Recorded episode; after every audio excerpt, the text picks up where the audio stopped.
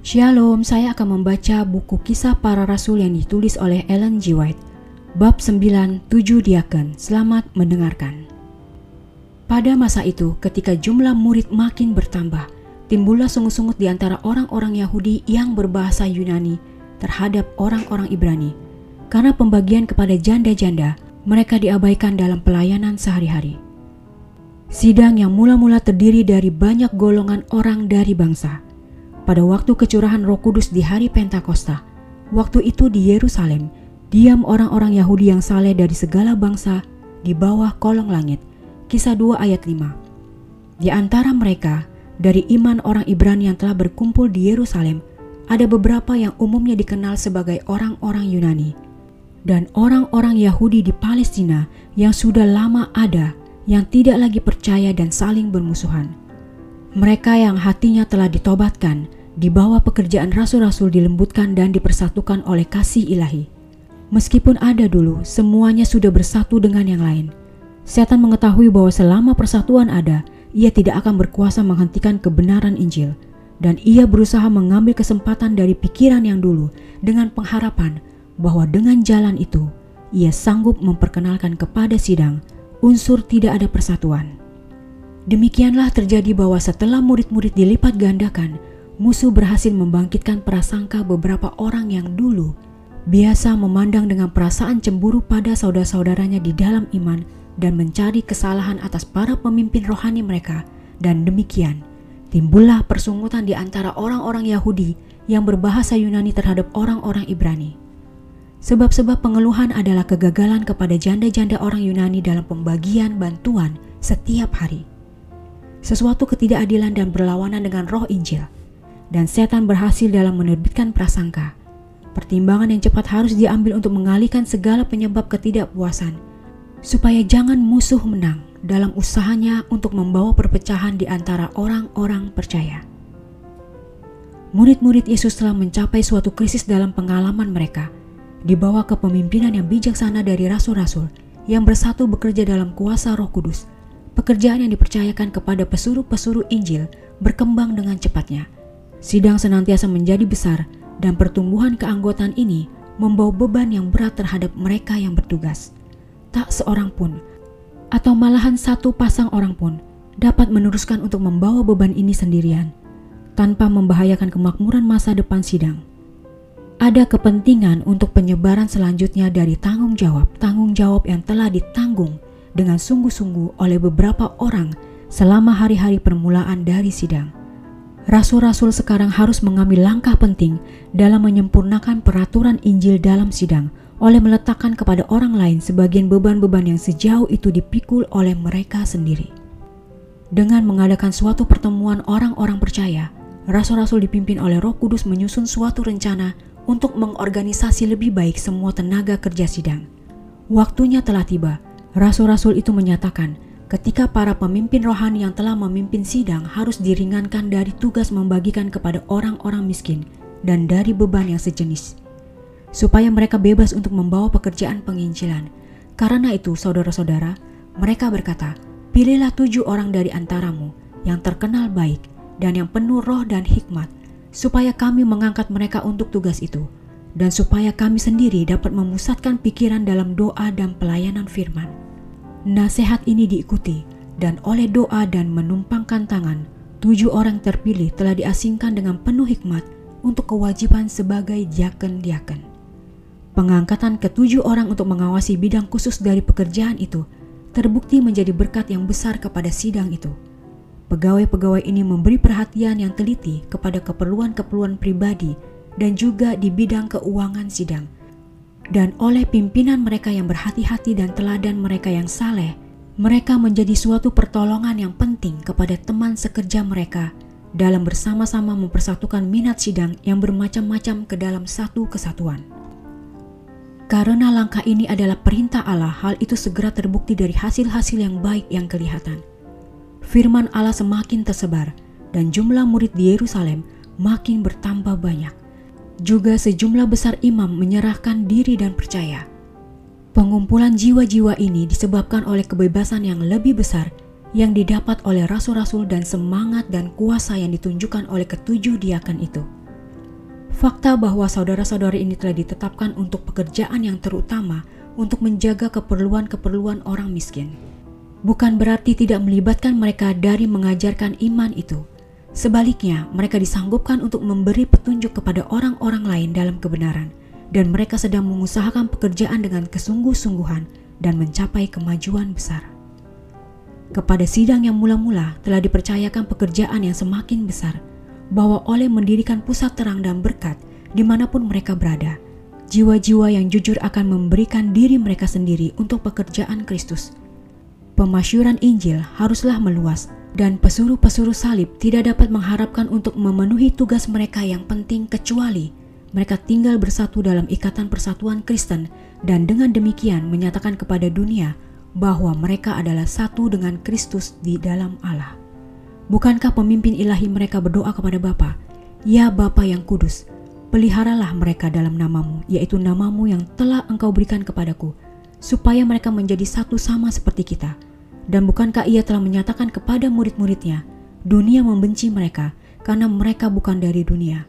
Bukankah ia telah memohonkan kepada Bapa supaya mereka menjadi satu, supaya dunia percaya bahwa engkaulah yang telah mengutus aku, Yohanes 17 ayat 11 dan 14, ayat 23 dan 21. Kehidupan rohani dan kuasa mereka bergantung kepada hubungan yang erat dengan seorang oleh siapa mereka telah diperintahkan untuk mengabarkan Injil. Hanya apabila mereka bersatu dengan Kristus, dapatlah murid-murid itu mengharapkan untuk mendapat kuasa dari Roh Kudus yang mengiringi dan bekerja sama dengan malaikat-malaikat surga. Dengan pertolongan alat-alat ilahi, mereka akan menghadapkan kepada dunia suatu persatuan yang utuh dan akan menang dalam pergumulan yang mereka akan hadapi dengan tidak henti-hentinya terhadap kuasa kegelapan. Karena mereka harus bekerja dengan persatuan, utusan-utusan surga akan pergi mendahului di hadapan mereka, membukakan jalan, hati akan disediakan untuk menerima kebenaran, dan banyak orang akan dimenangkan kepada Kristus. Selama mereka tetap bersatu, sidang akan maju laksana fajar merkah, indah bagaikan bulan purnama, bercahaya bagaikan surya, dahsyat seperti bala tentara dengan panji-panjinya. Kidung Agung 6 ayat 10 Tidak ada sesuatu yang dapat menahan kemajuannya. Sidang akan maju dari kemenangan kepada kemenangan. Misinya dipenuhi dengan kemuliaan untuk memasyurkan Injil kepada dunia. Pembentukan sidang di Yerusalem adalah sebagai suatu contoh untuk pelayanan pembentukan sidang-sidang di setiap tempat di mana pesuruh-pesuruh kebenaran harus memenangkan orang-orang bertobat kepada Injil. Kepada mereka yang diberikan tanggung jawab untuk pengawasan sidang, bukan berbuat seolah-olah berkuasa atas warisan Allah, melainkan sebagaimana gembala yang bijaksana adalah untuk gembalakanlah kawanan domba Allah, menjadi teladan bagi kawanan domba itu. 1 Petrus 5 ayat 2 dan 3 Dan diaken-diaken itu adalah orang-orang yang terkenal baik dan yang penuh roh dan hikmat Orang-orang ini harus mengambil kedudukan mereka dengan bersatu di pihak kebenaran dan untuk mempertahankannya dengan teguh dan pasti. Dengan demikian, mereka akan mempunyai suatu pengaruh yang bersatu atas seluruh kawanan domba. Kemudian dalam sejarah sidang yang mula-mula, bila di berbagai-bagai tempat di dunia ini banyak kelompok orang percaya telah dibentuk ke dalam sidang, selanjutnya pembentukan sidang disempurnakan supaya peraturan keseragaman tindakan dapat dipertahankan. Tiap-tiap anggota dinasihatkan untuk melakukan bagiannya dengan baik. Masing-masing harus melakukan dengan bijaksana akan talenta-talenta yang dipercayakan kepadanya. Beberapa orang dikaruniai oleh Roh Kudus dengan pemberian istimewa. Pertama sebagai rasul, kedua sebagai nabi, ketiga sebagai pengajar. Selanjutnya, pemberian karunia untuk menyembuhkan, untuk melayani, untuk memimpin, dan untuk berkata-kata dalam bahasa roh. 1 Korintus 12 ayat 28 tetapi segala golongan pekerja ini harus bekerja dengan keselarasan. Ada rupa-rupa karunia tetapi satu roh, dan rupa-rupa pelayanan tetapi satu Tuhan. Dan ada berbagai-bagai perbuatan ajaib, tetapi Allah adalah satu yang mengerjakan semuanya dalam semua orang. Tetapi kepada tiap-tiap orang dikaruniakan pernyataan roh untuk kepentingan bersama.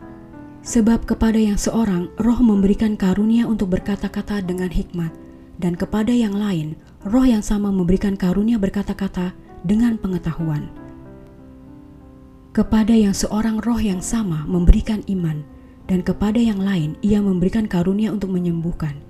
Kepada yang seorang roh memberikan kuasa untuk mengadakan mujizat, dan kepada yang lain ia memberikan karunia untuk bernubuat, dan kepada yang lain lagi ia memberikan karunia untuk membedakan bermacam-macam roh. Kepada yang seorang ia memberikan karunia untuk berkata-kata dengan bahasa roh, dan kepada yang lain ia memberikan karunia untuk menafsirkan bahasa roh itu tetapi semuanya ini dikerjakan oleh roh yang satu dan yang sama, yang memberikan karunia kepada tiap-tiap orang secara khusus, seperti yang dikendakinya. Karena sama seperti tubuh itu satu dan anggota-anggotanya banyak, dan segala anggota itu sekalipun banyak merupakan satu tubuh, demikian pula Kristus. 1 Korintus 12 ayat 4 sampai 12. Tanggung jawab yang penuh hikmat terletak ke atas mereka yang dipanggil untuk bertindak sebagai pemimpin-pemimpin dalam sidang Allah di dunia. Pada zaman teokrasi, ketika Musa mencoba sendiri membawa beban-beban yang begitu berat, sehingga tidak lama kemudian ia lelah, ia diberi nasihat oleh Yitro untuk merencanakan pembagian tanggung jawab yang bijaksana. Adapun engkau, wakillah bangsa itu di hadapan Allah. Yitro memberi nasihat dan kau hadapkanlah perkara-perkara mereka kepada Allah. Kemudian haruslah engkau mengajarkan kepada mereka ketetapan-ketetapan dan keputusan-keputusan yang memberitahukan kepada mereka jalan yang harus dijalani dan pekerjaan yang harus dilakukan. Yitro lebih lanjut menasihatkan bahwa orang-orang selanjutnya ditunjuk untuk bertindak sebagai pemimpin seribu orang, pemimpin seratus orang, pemimpin lima puluh orang, dan pemimpin sepuluh orang. Orang-orang ini adalah orang-orang yang cakap dan takut akan Allah, orang-orang yang dapat dipercaya, dan orang-orang yang benci kepada pengejaran suap. Mereka haruslah mengadili di antara manusia. Dengan demikian, meringankan Musa dari tanggung jawab yang melelahkan dalam mempertimbangkan banyak perkara kecil yang dapat diatasi dengan bijaksana oleh pembantu-pembantu yang berserah. Waktu dan kekuatan dari mereka yang dalam pemeliharaan Allah telah ditempatkan dalam kedudukan tanggung jawab yang memimpin di dalam sidang, harus digunakan dalam mengurus perkara-perkara yang lebih berat yang memerlukan kebijaksanaan yang khusus dan kebesaran hati. Bukanlah dalam peraturan Allah bahwa orang yang seperti itu harus diminta untuk mengurus perkara-perkara yang kecil yang orang-orang lain akan sanggup mengatasi. Segala perkara yang besar haruslah dihadapkan mereka kepadamu. Yitro mengusulkan kepada Musa, tetapi segala perkara yang kecil diadili mereka sendiri. Dengan demikian, mereka meringankan pekerjaanmu, dan mereka bersama-sama dengan engkau turut menanggungnya. Jika engkau berbuat demikian dan Allah memerintahkan hal itu kepadamu, maka engkau akan sanggup menahannya, dan seluruh bangsa ini akan pulang dengan senang ke tempatnya. Sesuai dengan rencana ini, Musa memilih orang-orang cakap dan mengangkat mereka menjadi kepala atas bangsa itu, menjadi pemimpin seribu orang pemimpin 100 orang, pemimpin 50 orang, dan pemimpin 10 orang. Mereka ini mengadili di antara bangsa itu sewaktu-waktu perkara-perkara yang suka dihadapkan mereka kepada Musa, tetapi perkara-perkara yang kecil diadili mereka sendiri. Keluaran 18 ayat 19 sampai 26.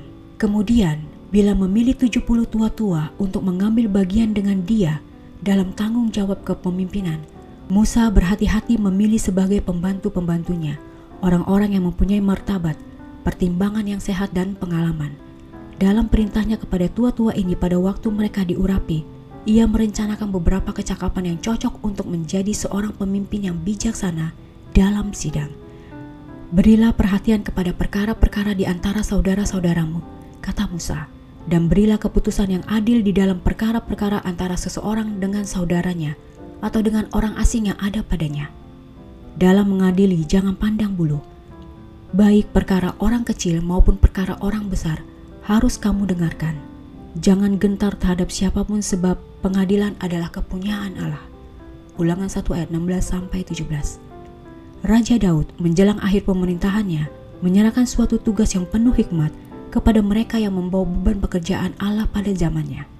Memanggil ke Yerusalem segala pembesar Israel, yakni para kepala suku, para pemimpin rombongan, orang-orang yang melayani raja, para kepala pasukan seribu dan kepala pasukan seratus, serta para kepala harta benda dan ternak kepunyaan raja dan anak-anaknya. Bersama-sama mereka juga para pegawai istana dan para perwira dan semua pahlawan yang gagah perkasa.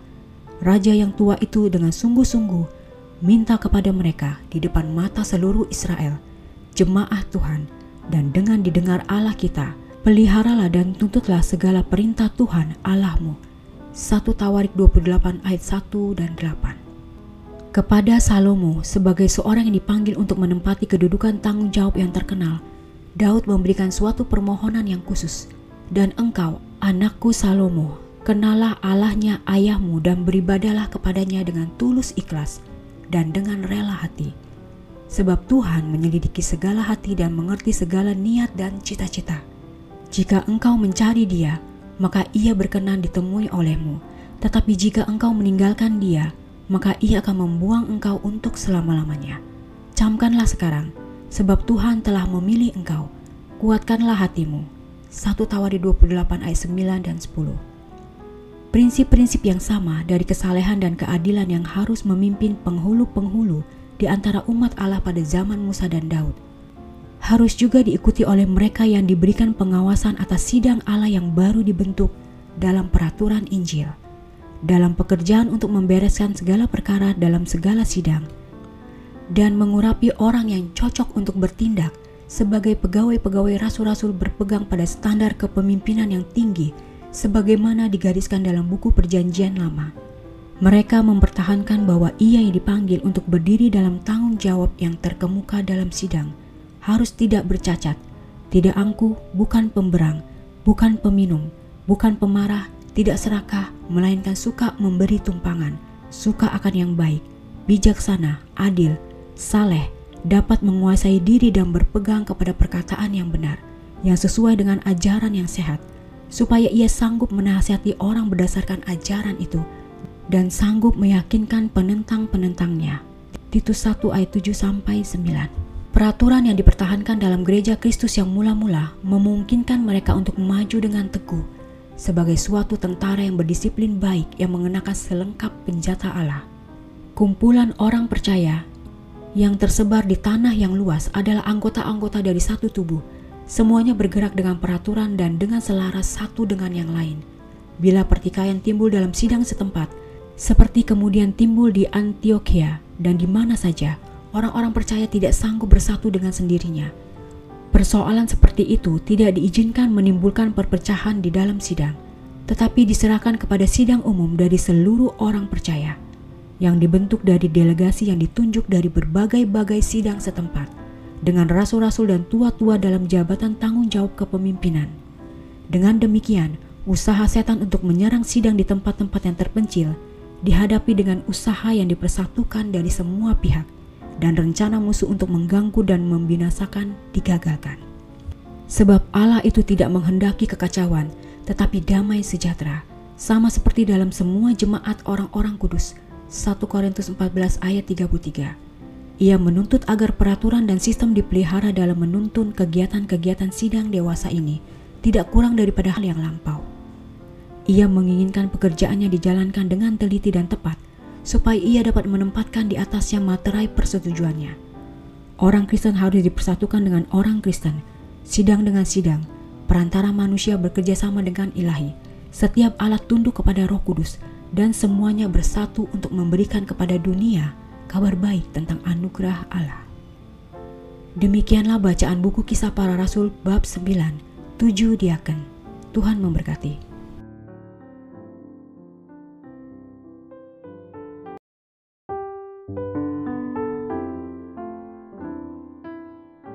Shalom, saya akan membaca buku kisah para rasul yang ditulis oleh Ellen G. White Bab 9, 7 Diaken, selamat mendengarkan.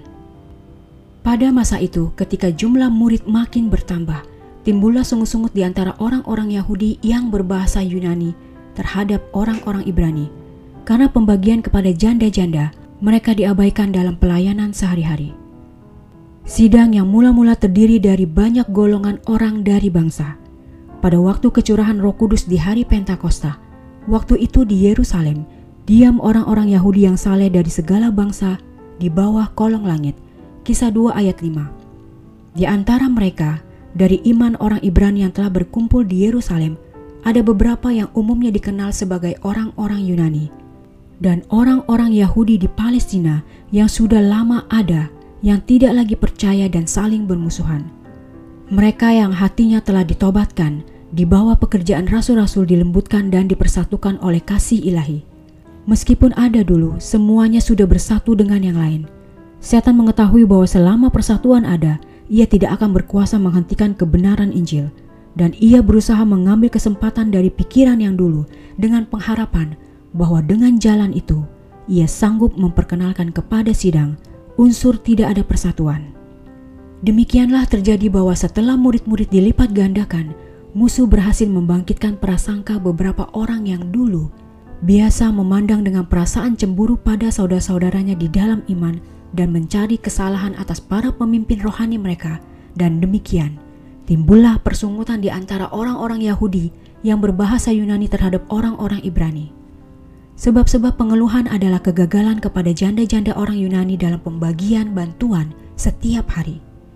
Sesuatu ketidakadilan dan berlawanan dengan roh Injil dan setan berhasil dalam menerbitkan prasangka. Pertimbangan yang cepat harus diambil untuk mengalihkan segala penyebab ketidakpuasan, supaya jangan musuh menang dalam usahanya untuk membawa perpecahan di antara orang-orang percaya. Murid-murid Yesus telah mencapai suatu krisis dalam pengalaman mereka, dibawa kepemimpinan yang bijaksana dari rasul-rasul yang bersatu bekerja dalam kuasa Roh Kudus. Pekerjaan yang dipercayakan kepada pesuruh-pesuruh Injil berkembang dengan cepatnya Sidang senantiasa menjadi besar dan pertumbuhan keanggotaan ini membawa beban yang berat terhadap mereka yang bertugas. Tak seorang pun, atau malahan satu pasang orang pun, dapat meneruskan untuk membawa beban ini sendirian, tanpa membahayakan kemakmuran masa depan sidang. Ada kepentingan untuk penyebaran selanjutnya dari tanggung jawab-tanggung jawab yang telah ditanggung dengan sungguh-sungguh oleh beberapa orang selama hari-hari permulaan dari sidang rasul-rasul sekarang harus mengambil langkah penting dalam menyempurnakan peraturan Injil dalam sidang oleh meletakkan kepada orang lain sebagian beban-beban yang sejauh itu dipikul oleh mereka sendiri. Dengan mengadakan suatu pertemuan orang-orang percaya, rasul-rasul dipimpin oleh Roh Kudus menyusun suatu rencana untuk mengorganisasi lebih baik semua tenaga kerja sidang. Waktunya telah tiba. Rasul-rasul itu menyatakan ketika para pemimpin rohani yang telah memimpin sidang harus diringankan dari tugas membagikan kepada orang-orang miskin dan dari beban yang sejenis, supaya mereka bebas untuk membawa pekerjaan penginjilan. Karena itu, saudara-saudara, mereka berkata, "Pilihlah tujuh orang dari antaramu yang terkenal baik dan yang penuh roh dan hikmat, supaya kami mengangkat mereka untuk tugas itu." dan supaya kami sendiri dapat memusatkan pikiran dalam doa dan pelayanan firman. Nasihat ini diikuti dan oleh doa dan menumpangkan tangan, tujuh orang terpilih telah diasingkan dengan penuh hikmat untuk kewajiban sebagai diaken-diaken. Pengangkatan ketujuh orang untuk mengawasi bidang khusus dari pekerjaan itu terbukti menjadi berkat yang besar kepada sidang itu.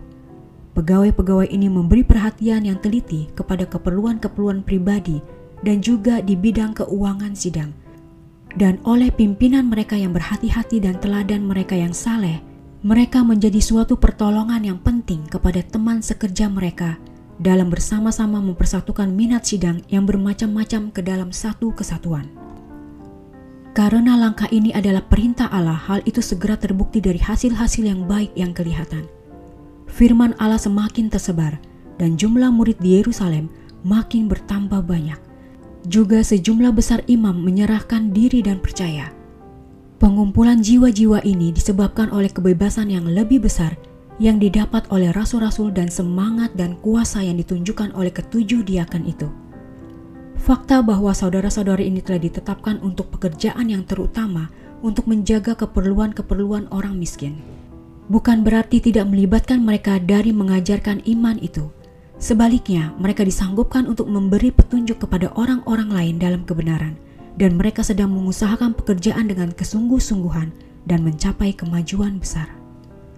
Kepada sidang yang mula-mula telah dipercayakan pekerjaan yang semakin besar, bahwa oleh mendirikan pusat terang dan berkat di mana pun mereka berada, jiwa-jiwa yang jujur akan memberikan diri mereka sendiri untuk pekerjaan Kristus.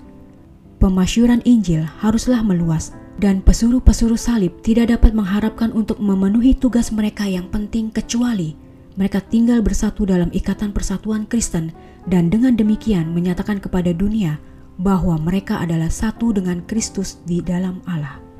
Bukankah pemimpin ilahi mereka berdoa kepada Bapa, "Ya Bapa yang kudus, peliharalah mereka dalam namamu, yaitu namamu yang telah engkau berikan kepadaku, supaya mereka menjadi satu sama seperti kita." Dan bukankah ia telah menyatakan kepada murid-muridnya, dunia membenci mereka karena mereka bukan dari dunia. Bukankah ia telah memohonkan kepada Bapa supaya mereka menjadi satu, supaya dunia percaya bahwa engkaulah yang telah mengutus aku? Yohanes 17 ayat 11 dan 14 ayat 23 dan 21. Kehidupan rohani dan kuasa mereka bergantung kepada hubungan yang erat dengan seorang oleh siapa mereka telah diperintahkan untuk mengabarkan Injil. Hanya apabila mereka bersatu dengan Kristus, dapatlah murid-murid itu mengharapkan untuk mendapat kuasa dari Roh Kudus yang mengiringi dan bekerja sama dengan malaikat-malaikat surga. Dengan pertolongan alat-alat ilahi, mereka akan menghadapkan kepada dunia suatu persatuan yang utuh dan akan menang dalam pergumulan yang mereka akan hadapi dengan tidak henti-hentinya terhadap kuasa kegelapan. Karena mereka harus bekerja dengan persatuan, utusan-utusan surga akan pergi mendahului di hadapan mereka, membukakan jalan, hati akan disediakan untuk menerima kebenaran, dan banyak orang akan dimenangkan kepada Kristus. Selama mereka tetap bersatu, sidang akan maju, laksana fajar merkah, indah bagaikan bulan purnama, bercahaya bagaikan surya, dahsyat seperti bala tentara dengan panji-panjinya. Kidung Agung 6 ayat 10 Tidak ada sesuatu yang dapat menahan kemajuannya, sidang akan maju dari kemenangan kepada kemenangan. Misinya dipenuhi dengan kemuliaan untuk memasyurkan Injil kepada dunia. Pembentukan sidang di Yerusalem adalah sebagai suatu contoh untuk pelayanan pembentukan sidang-sidang di setiap tempat di mana pesuruh-pesuruh kebenaran harus memenangkan orang-orang bertobat kepada Injil. Kepada mereka yang diberikan tanggung jawab untuk pengawasan sidang, bukan berbuat seolah-olah berkuasa atas warisan Allah, melainkan sebagaimana gembala yang bijaksana adalah untuk gembalakanlah kawanan domba Allah, menjadi teladan bagi kawanan domba itu. 1 Petrus 5 ayat 2 dan 3 Dan diaken-diaken itu adalah orang-orang yang terkenal baik dan yang penuh roh dan hikmat. Orang-orang ini harus mengambil kedudukan mereka dengan bersatu di pihak kebenaran dan untuk mempertahankannya dengan teguh dan pasti. Dengan demikian, mereka akan mempunyai suatu pengaruh yang bersatu atas seluruh kawanan domba. Kemudian dalam sejarah sidang yang mula-mula, bila di berbagai-bagai tempat di dunia ini banyak kelompok orang percaya telah dibentuk ke dalam sidang, selanjutnya pembentukan sidang disempurnakan supaya peraturan keseragaman tindakan dapat dipertahankan. Tiap-tiap anggota dinasihatkan untuk melakukan bagiannya dengan baik. Masing-masing harus melakukan dengan bijaksana akan talenta-talenta yang dipercayakan kepadanya. Beberapa orang dikaruniai oleh Roh Kudus dengan pemberian istimewa.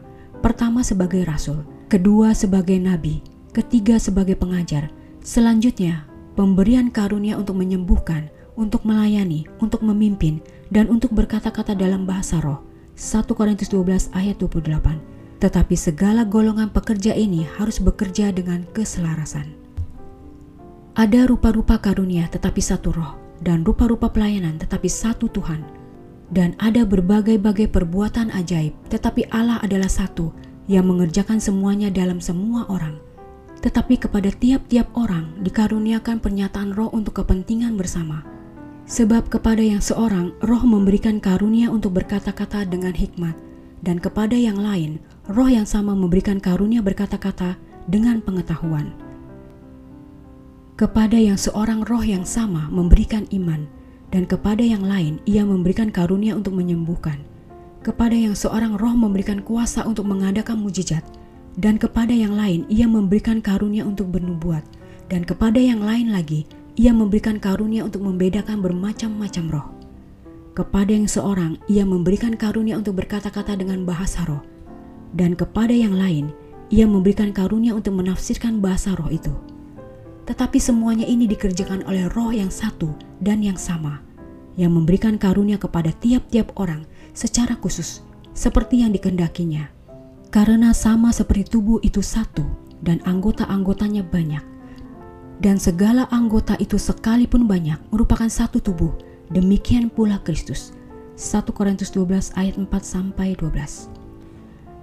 Tanggung jawab yang penuh hikmat terletak ke atas mereka yang dipanggil untuk bertindak sebagai pemimpin-pemimpin dalam sidang Allah di dunia. Pada zaman teokrasi, ketika Musa mencoba sendiri membawa beban-beban yang begitu berat, sehingga tidak lama kemudian ia lelah, ia diberi nasihat oleh Yitro untuk merencanakan pembagian tanggung jawab yang bijaksana. Adapun engkau, wakillah bangsa itu di hadapan Allah.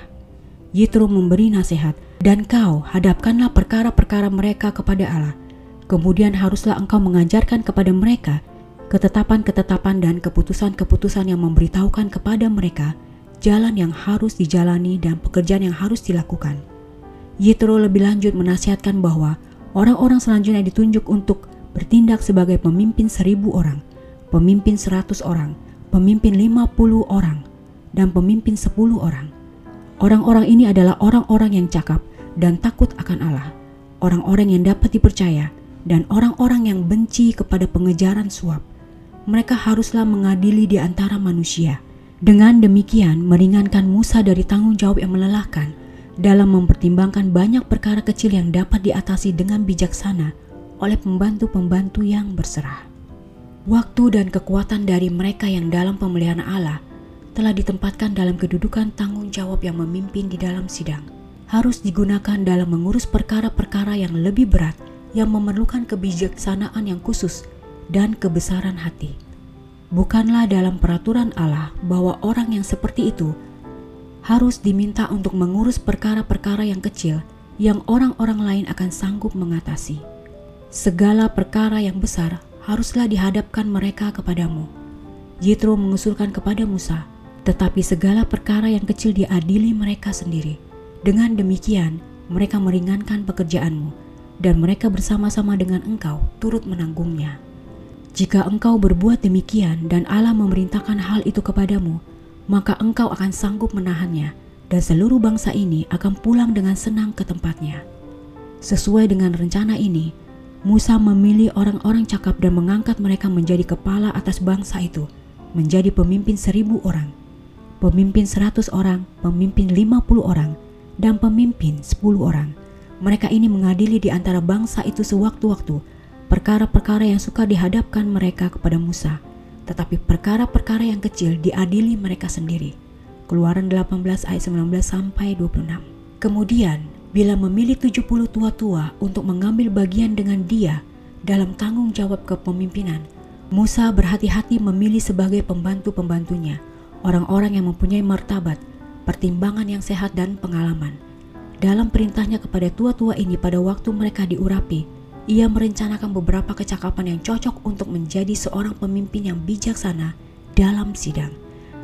Berilah perhatian kepada perkara-perkara di antara saudara-saudaramu, kata Musa, dan berilah keputusan yang adil di dalam perkara-perkara antara seseorang dengan saudaranya atau dengan orang asing yang ada padanya. Dalam mengadili jangan pandang bulu. Baik perkara orang kecil maupun perkara orang besar harus kamu dengarkan. Jangan gentar terhadap siapa pun sebab pengadilan adalah kepunyaan Allah. Ulangan 1 ayat 16 sampai 17. Raja Daud menjelang akhir pemerintahannya menyerahkan suatu tugas yang penuh hikmat kepada mereka yang membawa beban pekerjaan Allah pada zamannya. Memanggil ke Yerusalem segala pembesar Israel, yakni para kepala suku, para pemimpin rombongan, orang-orang yang melayani raja, para kepala pasukan seribu dan kepala pasukan seratus, serta para kepala harta benda dan ternak kepunyaan raja dan anak-anaknya. Bersama-sama mereka juga para pegawai istana dan para perwira, dan semua pahlawan yang gagah perkasa. Raja yang tua itu dengan sungguh-sungguh minta kepada mereka di depan mata seluruh Israel, jemaah Tuhan, dan dengan didengar Allah kita, Peliharalah dan tuntutlah segala perintah Tuhan Allahmu. 1 Tawarik 28 ayat 1 dan 8 Kepada Salomo sebagai seorang yang dipanggil untuk menempati kedudukan tanggung jawab yang terkenal, Daud memberikan suatu permohonan yang khusus. Dan engkau, anakku Salomo, kenalah Allahnya ayahmu dan beribadalah kepadanya dengan tulus ikhlas dan dengan rela hati. Sebab Tuhan menyelidiki segala hati dan mengerti segala niat dan cita-cita. Jika engkau mencari dia, maka ia berkenan ditemui olehmu. Tetapi jika engkau meninggalkan dia, maka ia akan membuang engkau untuk selama-lamanya. Camkanlah sekarang, sebab Tuhan telah memilih engkau. Kuatkanlah hatimu. 1 Tawari 28 ayat 9 dan 10. Prinsip-prinsip yang sama dari kesalehan dan keadilan yang harus memimpin penghulu-penghulu di antara umat Allah pada zaman Musa dan Daud harus juga diikuti oleh mereka yang diberikan pengawasan atas sidang Allah yang baru dibentuk dalam peraturan Injil, dalam pekerjaan untuk membereskan segala perkara dalam segala sidang, dan mengurapi orang yang cocok untuk bertindak sebagai pegawai-pegawai rasul-rasul berpegang pada standar kepemimpinan yang tinggi sebagaimana digariskan dalam buku perjanjian lama. Mereka mempertahankan bahwa ia yang dipanggil untuk berdiri dalam tanggung jawab yang terkemuka dalam sidang – harus tidak bercacat, tidak angkuh, bukan pemberang, bukan peminum, bukan pemarah, tidak serakah, melainkan suka memberi tumpangan, suka akan yang baik, bijaksana, adil, saleh, dapat menguasai diri dan berpegang kepada perkataan yang benar, yang sesuai dengan ajaran yang sehat, supaya ia sanggup menasihati orang berdasarkan ajaran itu dan sanggup meyakinkan penentang-penentangnya. Titus 1 ayat 7 sampai 9. Peraturan yang dipertahankan dalam gereja Kristus yang mula-mula memungkinkan mereka untuk maju dengan teguh sebagai suatu tentara yang berdisiplin baik yang mengenakan selengkap penjata Allah. Kumpulan orang percaya yang tersebar di tanah yang luas adalah anggota-anggota dari satu tubuh. Semuanya bergerak dengan peraturan dan dengan selaras satu dengan yang lain. Bila pertikaian timbul dalam sidang setempat, seperti kemudian timbul di Antioquia dan di mana saja, orang-orang percaya tidak sanggup bersatu dengan sendirinya. Persoalan seperti itu tidak diizinkan menimbulkan perpecahan di dalam sidang, tetapi diserahkan kepada sidang umum dari seluruh orang percaya yang dibentuk dari delegasi yang ditunjuk dari berbagai-bagai sidang setempat dengan rasul-rasul dan tua-tua dalam jabatan tanggung jawab kepemimpinan. Dengan demikian, usaha setan untuk menyerang sidang di tempat-tempat yang terpencil dihadapi dengan usaha yang dipersatukan dari semua pihak dan rencana musuh untuk mengganggu dan membinasakan digagalkan. Sebab Allah itu tidak menghendaki kekacauan, tetapi damai sejahtera, sama seperti dalam semua jemaat orang-orang kudus. 1 Korintus 14 ayat 33. Ia menuntut agar peraturan dan sistem dipelihara dalam menuntun kegiatan-kegiatan sidang dewasa ini tidak kurang daripada hal yang lampau. Ia menginginkan pekerjaannya dijalankan dengan teliti dan tepat, supaya ia dapat menempatkan di atasnya materai persetujuannya. Orang Kristen harus dipersatukan dengan orang Kristen, sidang dengan sidang, perantara manusia bekerja sama dengan ilahi. Setiap alat tunduk kepada Roh Kudus dan semuanya bersatu untuk memberikan kepada dunia kabar baik tentang anugerah Allah. Demikianlah bacaan buku kisah para rasul bab 9, 7 diaken. Tuhan memberkati.